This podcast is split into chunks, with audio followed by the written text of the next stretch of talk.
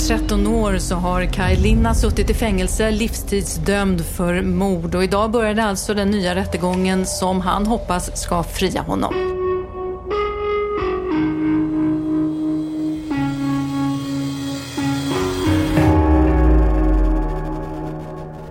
Ni minns kanske hur vi slutade avsnitt 5 av Spår och mordet i Kalamark. Vår granskning lämnade er med den här rösten.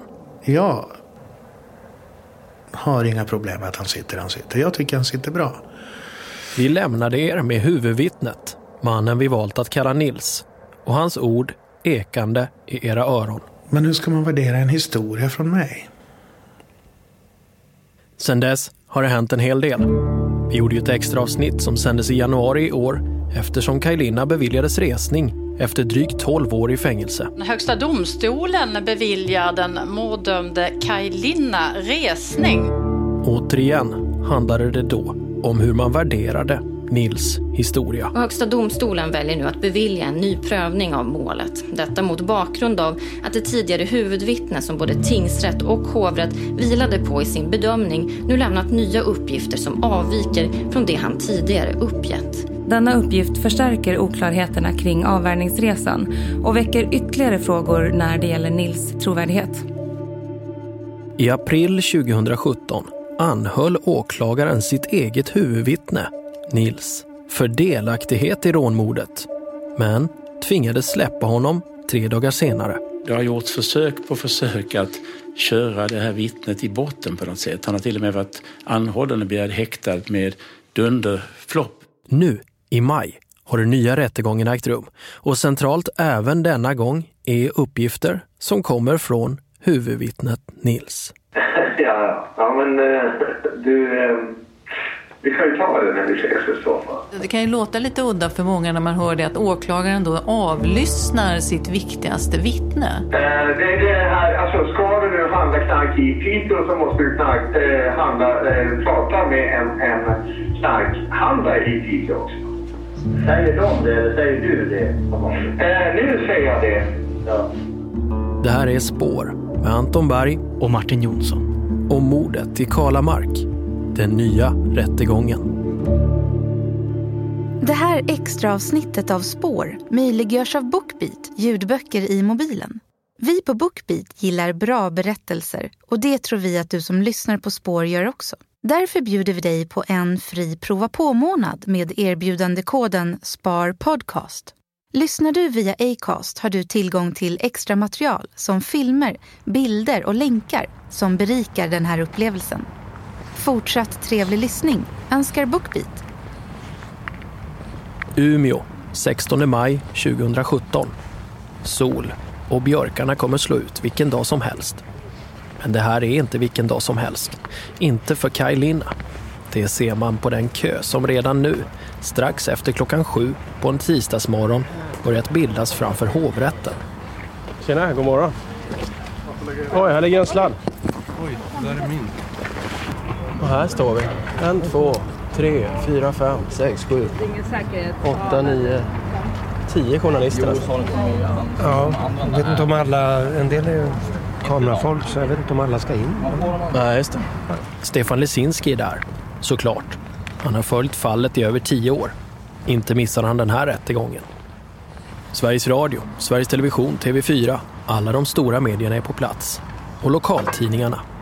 Gunnel Ekman till exempel från Piteå-tidningen. Hon ger oss senaste nytt där vi står i kön. Det handlar om Sune Lindberg. Brodern som överlevde rånmordet när hans bror Roger mördades för drygt 13 år sedan. Det är tråkiga nyheter. Och det visade sig att han var förd till sjukhus. Han vårdas på intensiven vid Pite Älvdals sjukhus för hjärtproblem och vad det där. Han har, ja, det har väl blivit för mycket för honom helt enkelt. Där. Så att hans medverkan är ytterst osäker. Medan vi väntar på att bli insläppta i kön så börjar flera journalister intervjua Stefan Lisinski. I första hand tror jag det handlar just om det här huvudvittnet som har blivit starkt ifrågasatt. De bokar även upp mig. Hej, är det du som är Anton? Ja, hej, hej. Hej. Vi har blivit experter på fallet. Jag som jobbar på Studie 1. Ja. Eventuellt vill ha, ha det med i Det är sent i eftermiddag då. Ja, just det. Samtidigt som vi står här i en kö i Umeå så sänder Godmorgon Sverige som vanligt från Stockholm. Mannen bakom Svea-filmen, men nu så ska det handla om en annan rättegång, den som inleds idag, den nya rättegången kring det så kallade Kalamarksfallet. Och där sitter Martin. Då säger vi välkommen till Martin Jonsson. Du är en av de som har gjort krimpodden Spår. Som har, första säsongen handlade just om Karlamarksfallet och sen dess har ni fått leva med det. Ja, eller hur? I flera år nu. Ja. Du, vi börjar med då. Det är alltid nervöst att sitta i de här situationerna. Det är tv-kameror och programledare som säger att man ska föra en konversation så normalt som möjligt. Som man gör vid frukostbordet. Fallet Kalamark och situationen med Kaj Linna har nu blivit ett sånt ämne som man faktiskt sitter och pratar om medan man dricker morgonkaffet. Och som journalist som jobbat länge med ett ämne som vi gjort På spår så framträder man i de här situationerna i en roll som expert. En expert som ska förklara oerhört komplexa skeenden. Alltså hela fallet, om man kokar och hårdkokar ner det, då betyder det att de, att de, att man skulle kunna säga att du pekar ut mig som mördare. Säger, men Martin, du har mördat någon. Och sen så instämmer du, men Martin han har verkligen mördat någon. Men det finns ingen teknisk bevisning. Och för det så sitter jag ett livstid i fängelse. Det är ju det som är situationen idag. Samtidigt som man får frågor om känslor och föraningar om hur det kommer att gå. Vad är din känsla då inför den rättegång som drar igång idag? Alltså man ska ju vara försiktig med känslor, men, men, men framför allt så tycker jag att det viktiga nu är att man ska påpeka att nu är det faktiskt åklagaren som ska bevisa bortom allt rimligt tvivel att Kaj Linna är, är skyldig. Nu är det liksom han som har bevisläget. Du, eh, för någon vecka sedan så satt eh, Dan Josefsson här och pratade om ett annat eh, uppmärksammat rättsfall just nu, nämligen fallet Kevin. Och då frågade jag honom om så här, tror du är din uppfattning att de här pojkarna är oskyldiga? Och då sa han så här, jag är helt säker på att de inte har gjort det. Och det får ju stå för honom förstås. Mm. Vad är din uppfattning om Kaj Linnas skuld? Har du någon? Nej, det har jag inte. Alltså, jag tycker att det är upp till domstolen att, att avgöra det här nu. Och eh, det, det, det ska bli väldigt intressant att se vad som, Mm. se vad som händer. Vi får väl se helt enkelt hur, hur det slutar och vi kommer återkomma till detta om en timme ungefär. Tack så mycket Martin Jonsson för att du kom hit. Tack. God morgon. Media. Klockan 07.30 öppnas dörrarna till hovrätten för övre Norrland i Umeå. Vi som står först i kön får välja om vi vill följa rättegången in i själva salen eller sitta i en angränsande sal och se händelserna på en skärm. Hur vill du göra? Sitta i sal 3? Eller i huvudsalen, sal 1? Huvudsalen, tack. Ljudmässigt hade det kanske varit bättre att göra så, men jag väljer ändå att komma så nära som möjligt. På väg mot huvudsalen, sal 1, möter jag ännu en känd röst från tidigare avsnitt av Spår om Kalamarksmordet. Carita Postma, Kajlinas syster. Det är första gången vi ses. Mm, det är på tiden. Ja, hur, eh, hur känns det att vara här idag? Det känns eh, väldigt eh, intressant tycker jag att det blir. Eh, det är ju väldigt mycket som eh, står på spel. Det, det här handlar ju inte bara om Kaj. utan det här handlar ju faktiskt om var svensk medborgare. Allas rättssäkerhet. Idag är Kaj ett prejudikat där man kan döma en människa till livstids fängelse utan någon som helst bevisning överhuvudtaget. Så att eh, det här är ett mål som torde engagera varenda svensk medborgare. När pratade du med din bror senast? Vi var hos honom igår kväll eh, när han då hade anlänt hit till Umeå. Och eh, vi gick igenom allting och Kaj han är, han är väldigt glädjefyllt, lugn och taggad. För han tycker också att det är riktigt, riktigt skönt att den här dagen äntligen har kommit. Precis som många av oss journalister så har Carita Postma tillbringat senaste dygnet med åklagarens nya förundersökning. Den släpptes dagen innan på måndagen och består av drygt 700 sidor. Där de nya förhören med huvudvittnet Nils och hemliga avlyssningar med honom och mannen vi kallar Bertil hör till det mest intressanta. Ja, det som är det, det givna det är ju att eh, eh jag tycker väl att vi kan undvika att kalla huvudvittnet för huvudvittne nu utan nu kallar vi väl honom för någonting annat. Eh, den, som, den enda som pekar ut Kaj och ingenting annat. Eh, han ändrar ju sin historia varenda gång han öppnar munnen och nu gör han det igen och han, han har gjort det efteråt igen. Så att, eh, Ja, i de nya polisförhören har Nils nu tagit tillbaka det han sa i spår och i dokumentärfilmaren Mårten Barkvalls kamera.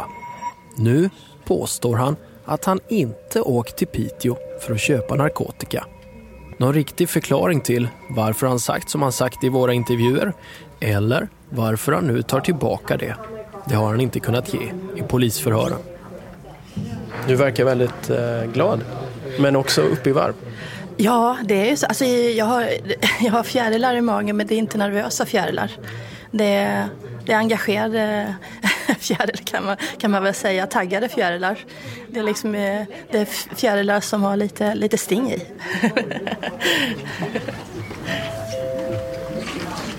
Hovrätten håller huvudförhandling i mål B 1138-16. Partnerombud kallas till sal 1. Så släpps vi då in. 14 personer totalt i hovrättssalen. Journalister, Stefan Lesinski, Gunnel Ekman och så filmaren Mårten Barkvall som dels fortsätter filma för sin dokumentär om Kajlina men som också ska visa delar av allt material inne i själva rätten. Det är åberopat som bevis av försvaret. Två tecknare sitter också med oss.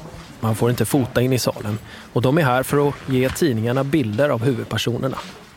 Även Carita Postma tar plats bland oss 14 som nu sitter uppradade bakom en vägg av glas. På andra sidan, mitt emot oss, sitter rätten.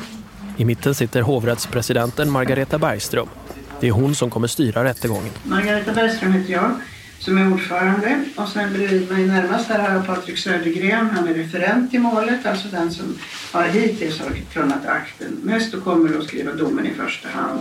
Sen är det också Jon Karlsson och vi tre är juristdomare och längst bort där på min högra sida så har vi Niklas Sjö och Ulf Helin, fast i omvänd ordning faktiskt. Till vänster sitter åklagaren Jens Göransson och så Sune Lindbergs företrädare. Bakom dem sitter de tre poliser som utrett ärendet på nytt sedan resningen beviljades i slutet av december. Mitt emot åklagaren, till höger för oss åskådare, sitter advokat Thomas Magnusson och så Kaj Linna. Han har nyinköpt mörkblå kavaj, ljusare skjorta och ser nyklippt ut. Carita Postman säger att det här är de första kläder Kai köpt på 13 år. Han ser koncentrerad ut, men det kan också bero på febern. Kaj Linna är förkyld. Hovrätten har prövat det här, haft det uppe till prövning tidigare men HD har beviljat resning i målet i 29 december 2016 gjorde HD det. Och därför ska vi pröva det här målet på nytt. Ja, sen börjar rättegången och jag ber om ursäkt för ljudkvaliteten. Det var mycket besvärligt att spela in från den här positionen som jag hade. Därför så kommer ni bara höra de viktigaste delarna. Och då ska vi övergå till åklagarens sakframställning. Även om rättegången är mycket ovanlig, resningsrättegångar är ju sällsynta, så är turordningen den vanliga. Först börjar åklagaren med sin sakframställan. Det är nu kammaråklagare Jens Göransson ska avslöja alla sina kort. Vilka bevis tänker han använda sig av? Och då är det det tekniska här. Hur- Du har din egen dator. Koppla in en HDMI-kabel och se om det fungerar. Men en svensk rättegång är sällan spännande. Det är långt från Hollywood och åklagaren börjar från början med offren. Sune och Roger Lindberg hade bott i Kalamark eh, sedan de var barn. Sune var invalidiserad efter en stroke i början på 80-talet. Det var hans bror Roger som hjälpte honom med vardagliga sysslor, till exempel som av och påklädning. Lugnt och metodiskt tar sig åklagaren igenom händelseförloppet. Ambulans och polis kallades till platsen och man hittade sen, eftersom Sune sa att brodern Roger var någonstans ute i ladugården, så hittade man också Roger Lindberg död i ladugården. Vi får se bilder från gamla förundersökningen. Man ser på den vänstra bilden där pilen pekar, där hittades eh, Roger Lindberg innanför dörren, gödseldörren. Makabra detaljer. Han var dold under ett lager av 30 kilos hönsfodersäckar. Ovanpå de säckarna så hade gärningsmannen vänt en skottkärra upp och ner. Även Roger Lindberg var bunden. Han var eh, slagen med ett tillhygge i huvudet. Rogers kropp. Tejpad och gömd under fodersäckarna i uthuset. Det som kallas för fuse på pitemål. Och här ser man tydligt hur offret har tejpats med och det är upprepade varv över munnen. Mycket kontamination av blodet även uppkastningen.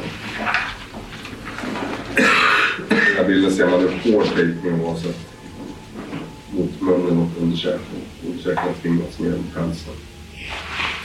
Väldigt mycket av det som sägs har ni hört tidigare i spår, så därför fokuserar vi på det nya som framkommit. En lös tråd var ju den snusprilla som hittades mitt på gårdsplanen och som man säkrat DNA ifrån men som inte passade på Kaj Linna. Men vems var den då? En annan gärningsman kanske? Det hade den ursprungliga polisutredningen inte tagit reda på. Nu har man gjort ett bättre jobb och det visar sig att snusprillan inte tillhör någon gärningsman alls. Snusprilla som hittade i anslutning till vagnslivet aktiverat DNA-prov. DNA-provfilen har nu jämförts med undersökelseprov från personal inom polis, räddningstjänst och hemtjänst var i överensstämmelse erhölls komplikation på räddningstjänsten. Snusprillan kom alltså från en av ambulansförarna som var först på platsen. Därmed så var det frågetecknet uträtat. Ett annat handlade om de blodspår som hittades på en handduk hemma hos en av Kajlinas ex-flickvänner. Även där har man säkrat DNA. Och det där har då testats jämförelseprov från Kajlin och det kan hållas för visst att tidigare påvisat blodet på T-handduk som kommer från Linda. Och man bortser från möjligheten att det kom från deras släkting. Blodet kom alltså från Kajlina. Men vilken egentlig betydelse det har är oklart. Kajlina har aldrig förnekat att det är hans blod eller att han har varit hemma hos sitt ex i Iggesund. Man är dessutom nu överens, både åklagare och advokat, om att mobilmasten i Piteå är en så kallad basstation med mycket begränsad räckvidd.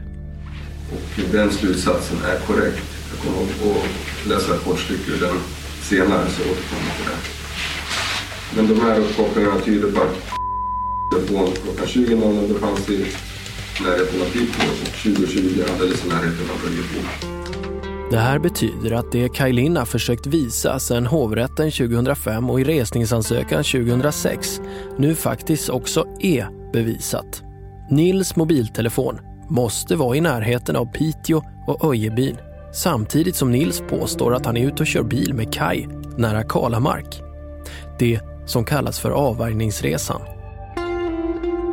Alltså kan inte den resan ha ägt rum på det sätt som Nils påstår i både tings och hovrätt. Och så till det som är de mest omdiskuterade bitarna i åklagarens nya förundersökning. De dolda telefonavlyssningar man gjort med dels Bertil och dels Nils. Åklagaren börjar med att spela upp samtalet med Bertil, mannen som först pekades ut av den överlevande brodern Sune Lindberg. Så här lät det tidigare i vår när Bertil pratar med sin mamma. Och när man vet att man är bevakad och... och eh, Bevakad? Är du bevakad? Kalle är något så larvigt, men, men så säger de att, att de gör också. Ja, men... Men det det var bra. Jag ska bara höra lite trevligt eh, angående eh, Kaja, blir jag livstidsbelönad.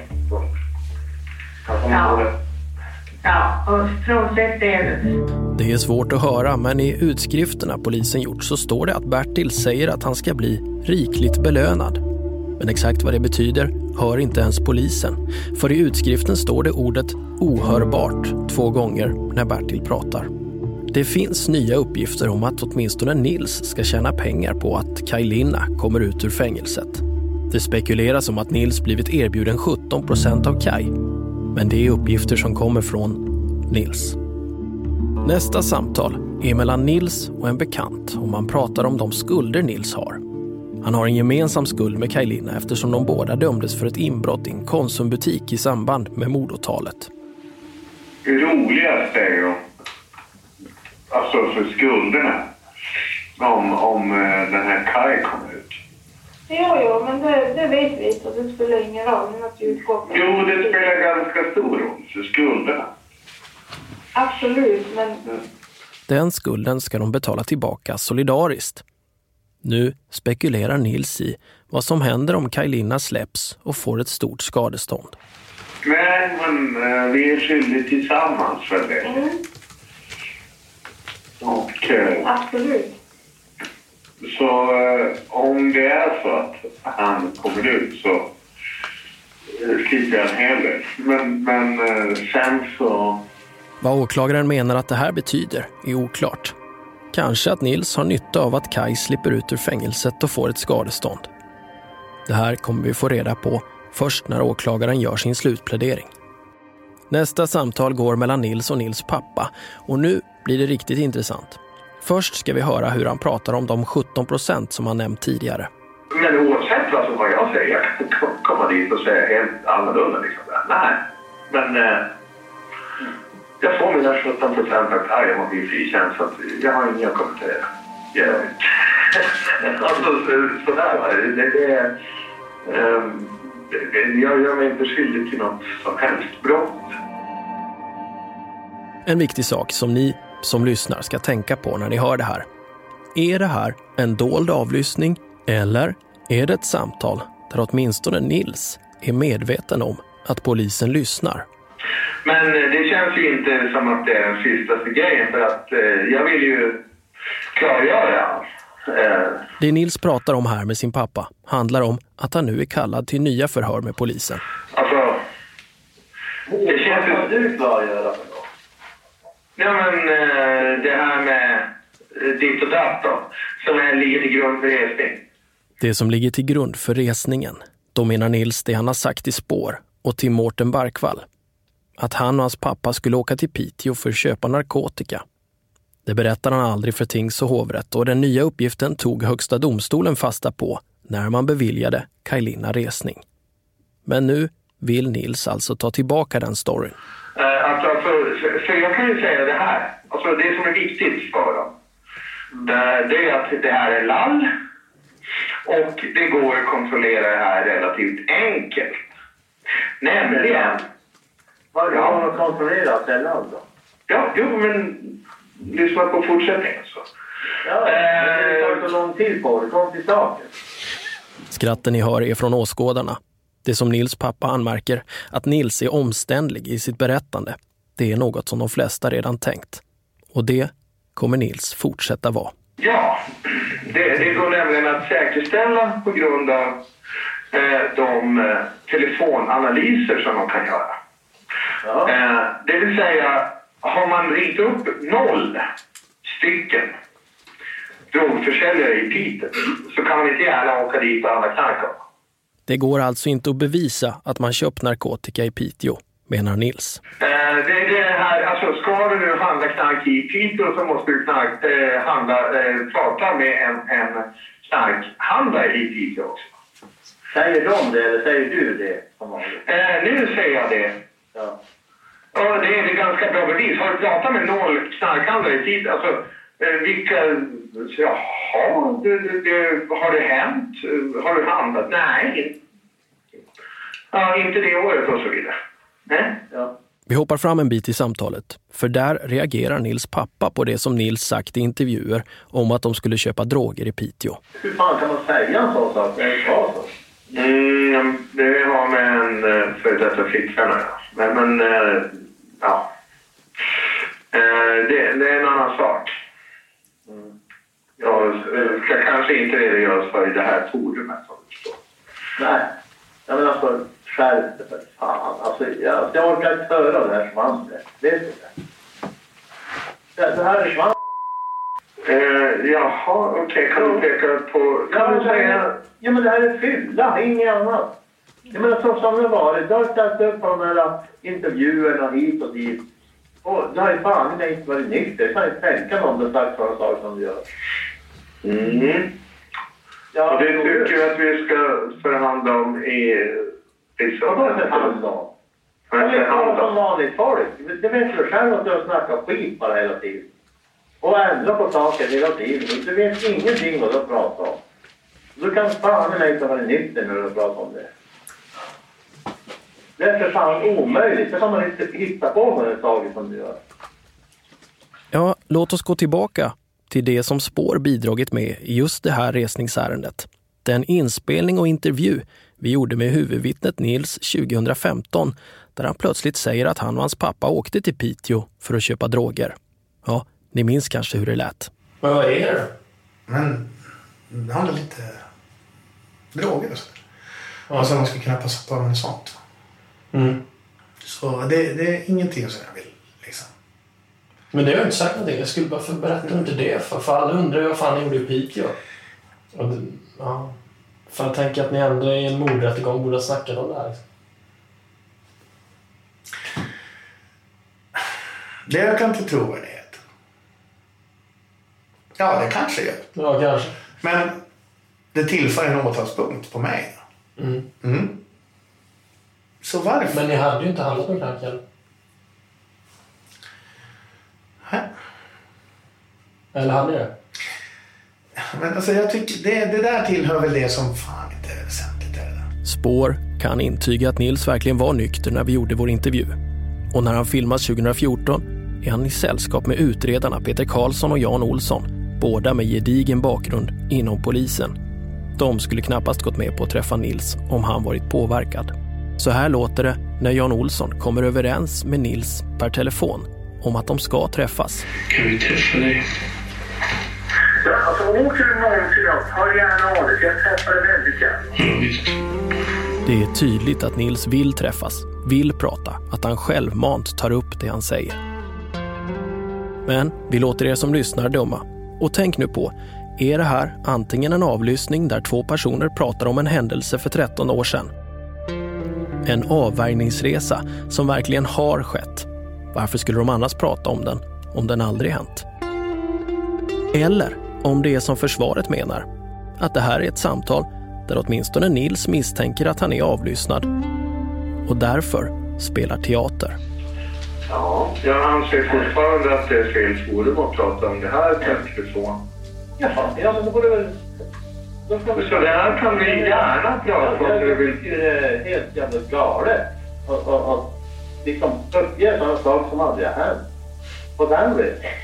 Mm. Det fattar du väl? Ja, visst fattar jag det. Så, nu, nu är det så här att du närmar dig... Eh, det här pratar jag gärna med dig om, om du vill prata med dig när vi träffas eller så. Eh, mm. Så vi har något att dölja då menar du eller? Ehm, om du uppfattar det så, så är Jag det... har ingenting att dölja, inte det minsta. Ja, Okej. ja, ja. ja, men eh, du... eh, vi kan ju ta det när vi ses i så fall. Totalt är det sju samtal som åklagaren spelar upp och efteråt möter kammaråklagare Jens Göransson oss från media. Kommer du nå fram i din plädering till att du anser att Lina fortfarande är en ensam gärningsman? Ja, så, så ser jag på det nu och så har jag sett på det hela tiden.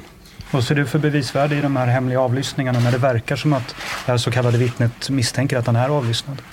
Ja, jag vet inte om jag riktigt håller med om att det verkar som det. Vi får väl höra vad han säger sen. Men jag menar att det styrker åtalet som sådant.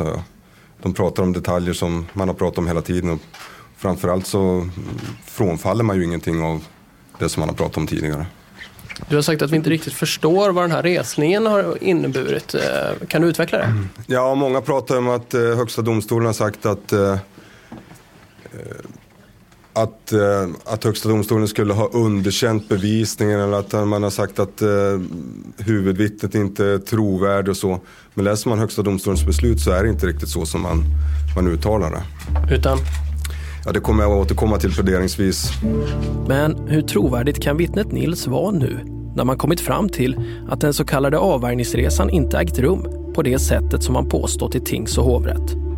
Nu är ju åklagarsidan överens med försvaret. Telefonsamtalen 20.00 och 20.20 är knutna till Piteå och Öjebyn. Då kan inte Nils telefon samtidigt vara i Kalamark. Nils har ju påstått att han var nära Kalamark i en bil med Kajlina kvällen före brottet för att avstyra Kajlinas rånplaner. Kajlina menar att hela resan är en bluffhistoria från Nils och har pekat på just samtalen där Nils mobiltelefon nu alltså knutits till Piteå. Det här har DN-journalisten Stefan Lisinski bistått med att klargöra och medan åklagaren svarar på kollegornas frågor så har han mest lyssnat där han står bredvid mig. Men Stefan Lisinski har förstått en sak. Åklagaren har en plan med rättegången. Och i den planen ingår fortfarande avvärjningsresan. Den måste i så fall bara ha skett vid en annan tidpunkt. Har han fel tidsuppgifter då för den här resan eftersom du, ni verkar överens om att eh, de, han kan inte ha varit på den där resan när de här telefonsamtalen kopplades upp? Nej, precis. Alltså de där telefon... Två stycken masttömningar eh, eller mastbestämningar som är gjorda. Ett samtal 20.00, ett 20 och 20. de är korrekta. Det är en uppkoppling i Piteå och det är en uppkoppling i Öjebyn. Och då har hans telefon varit på den platsen och inte i närheten av Karlamarks. Så mycket kan man säga. Eh, vilket innebär att jag menar att eh, resan har påbörjats därefter. Eh, sen om det är en annan uppgift än vad han har sagt i tingsrovrätt, det får vi ju se på torsdag och får man analysera domen. Menar du att det finns ett utrymme för att göra den här avvägningsresan trots den här eh, analysen av mobiltelefonuppkopplingarna? Ja, och ja, det fanns gott om tid att göra den. När ska den ha skett? Då? I tid efter eh, senaste uppkopplingen 2020 i Öjebyn. Fram till då någon gång 22 till 22.30 när man träffas på nytt vid Åbyälven. Själv kan jag inte släppa detaljen med att Nils först berättar för Mårten Barkvall 2014 att han och hans pappa skulle köpa droger i Piteå. Sen upprepar den historien för mig och Martin här i Spår 2015. Och nu har han alltså tagit tillbaka den historien. Nu, kommer, nu, nu tar han tillbaka den historien. Har han berättat varför? Eh, nej, han har nog inte riktigt haft någon förklaring till varför han har sagt på det här sättet. Utan eh, det får vi väl höra på torsdag om han har någon förklaring då. Det enda han har sagt nu i polisför, som ni säkert har sett, är att eh, det är inte är sant. Hur tolkar du det? Ja, jag vet inte om jag tolkar det på något sätt. Jag, jag noterar att han har sagt som han har gjort i, i, till en journalist och sen så säger han på ett annat sätt i, i polisförhör. Och det har fått den effekten att eh, det har beviljats resning i fallet. Så det har fått en stor konsekvens. Så då står vi där igen i den här historien. I en rättssal ska för tredje gången Kajlinas mål avgöras av ett enda vittnesmål. Och det är från en man som för det första har så dålig trovärdighet att Högsta domstolen beviljat en mycket sällsynt resning och för det andra gjort att åklagaren själv anhöll honom för delaktighet i själva rånmordet. De uppgifter som låg till grund för att han blev misstänkt, de följde vi upp då med olika förhör. Då med häktningen ogillades ju så att han var ju på fri fot då huvudvittnet. Men vi följde upp det med ytterligare förhör och då visade det sig att eh, misstankarna inte höll utan då lades de ner. Ändå är det alltså Nils som är åklagarens starkaste kort. När man lyssnar på de här hemliga telefonavlyssningarna så är det ju så att det vittnet verkar ändra historia, ändra uppgifter hela tiden. Tror du själv på honom? Eh, ja, jag tror på det han berättade i, i stort om, om vad som har hänt. Och, och, i stort så menar jag i stora drag att han berättar på samma sätt som han har gjort tidigare om man benar ut det hela. Sen så kanske han har svårt att minnas detaljer efter 13-14 år. Ja, i snart 13 år så har Kaj Linna suttit i fängelse, livstidsdömd för mord. Och idag började alltså den nya rättegången som han hoppas ska fria honom. Så här låter det i P1-programmet Studio 1 klockan fem. Då har första dagens förhandlingar varit slut sedan en halvtimme. Kaj Linnas fall har granskats av flera journalister som ifrågasatt domen mot honom. En av dem är Anton Berg som gjort poddserien Spår tillsammans med Martin Jonsson. Du har varit i hovrätten idag, Anton Berg. Vad säger du om åklagarens framställning efter att ha hört den? Eh, man kan väl säga att åklagaren då förlitar sig än en gång på mycket av liknande och samma bevisning som fanns för det tidigare. Det är några indicier som har försvunnit sedan dess men det är framförallt huvudvittnet Nils, som vi har valt att kalla honom, eh, som är fort, fortsatt då, åklagarens trumfkort. Eh, vi ska släppa in också eh, Sven-Erik Alhem, rättsexpert för detta överåklagare. Välkommen du också. Tack så mycket. Ja, eh, det här är ju ett fall som många följer. Vad är det som gör det här målet principiellt intressant, tycker du? Ja, det är speciellt intressant efter kvickskandalen kan man säga. Eh, fokus har nu satts på stödbevisningen när det gäller erkända mord på ett mycket påtagligt sätt. Här har vi då ett i sten förnekat mord och med mera. Det är inte bara ett mord utan också mordförsök. Och det som är oerhört avgörande i det här fallet kommer att vara räcker den här bevisningen till vid ett förnekat brott? Och det tror jag inte alls att den gör. Detta är ju egentligen en väldigt, väldigt svag bevisning. Man har ingen teknisk bevisning, man har inget belägg för att Karolina överhuvudtaget har befunnit sig på brottsplatsen. Och det har gjorts försök på försök att köra det här vittnet i botten på något sätt. Han har till och med varit anhållen och begärd häktad med dunderflopp. Dagen slutar alltså som den börjar för spår. På morgonen satt Martin hos SVT och försökte förklara detaljerna kring Karlamarksmordet. Nu har jag fått göra samma sak i P1. Plötsligt är en poddserie som spår nästan nyhetsledande när det gäller det här fallet. Det går ju såklart inte. Vi har inte resurser i spår att följa en rättegång på plats i tre veckor och samtidigt göra en ny säsong. Säsong 5, Sprängningen av Fontainebleau, startar ju 6 juni. Det har varit bestämt sedan länge. Så, ja, ni fattar. Spår är inte riktigt DN eller SVT. Resten av rättegången är vi tvungna att följa på avstånd. Men precis som 2004 så kan man ju beställa ut ljudupptagningarna från alla förhören. Vi kommer återkomma till de förhören längre fram för vi gör naturligtvis ett avsnitt till om Karlamarksmordet. Då, när domen fallit. Då kommer vi ha hunnit gå igenom alla timmar med förhör och ge er en analys om vad som då avgjort fallet. Men redan nu så ska ni få höra hur Nils förklarar att han först inte skulle köpa narkotika i Piteå, som han sa i rättegångarna tidigare. Men sen plötsligt skulle köpa narkotika i Piteå, som han sa i Mårten Barkvalls kamera och sen i Spårs mikrofon. Och nu då, igen, inte alls skulle köpa narkotika i Piteå, som han påstått i nya polisförhör och här i rätten. Hur förklarar han att han uppger så motstridiga uppgifter? Då måste jag ju fråga, varför berättar du på det sättet till de här människorna? Då trodde jag det. det är ungefär sam- jag kan inte förklara det på ett annat sätt än att det är som när jag tror att jag har varit hemma hos bröderna två gånger. Alltså. För det trodde jag ju då tills jag såg telefonen. Alltså jag förstår ju att det inte har hänt. Och varför förstår du att det inte har hänt? Vad är det som får dig att förstå att det inte har hänt? Ja, att det var inte på det viset. Utan det är något som jag så att säga har inbillat mig väl att det men att förvrängda minnen eller vad man ska säga. Vi slutar alltså som vi började, med Nils. Trots att rättegången handlar om en man som kan ha suttit oskyldigt fängslad i 13 år, Kaj Linna, är det ändå mer och mer tydligt att huvudrollen i den här historien ägs av en annan person. Mannen vi kallar Nils. Men vad är det som får dig nu att veta att, det inte, att, att den förvrängda minnesbilden verkligen är en förvrängd minnesbild och inte att det är så det är? Det är inte så. Nej, men vad är det som får dig att säga så- helt säkert så?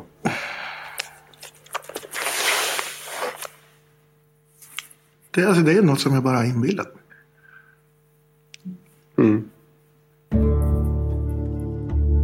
Vi återkommer som sagt med ett nytt avsnitt om mordet i Kalamark när hovrätten i övre Norrland beslutar sig för om man ska fria eller fälla Kaj Linna. Spår görs av produktionsbolaget A1 Produktion i samarbete med Acast. Ljudtekniker är Jonas Sjöberg, projektledare Vianja Lall och exekutiv producent på Acast är Carl Rosander. Fortsätt diskutera spår med oss, Anton Berg och Martin Jonsson på hashtag Spar Podcast. Missa nu inte vår nya säsong, Sprängningen av Fontainebleau. Premiär 6 juni.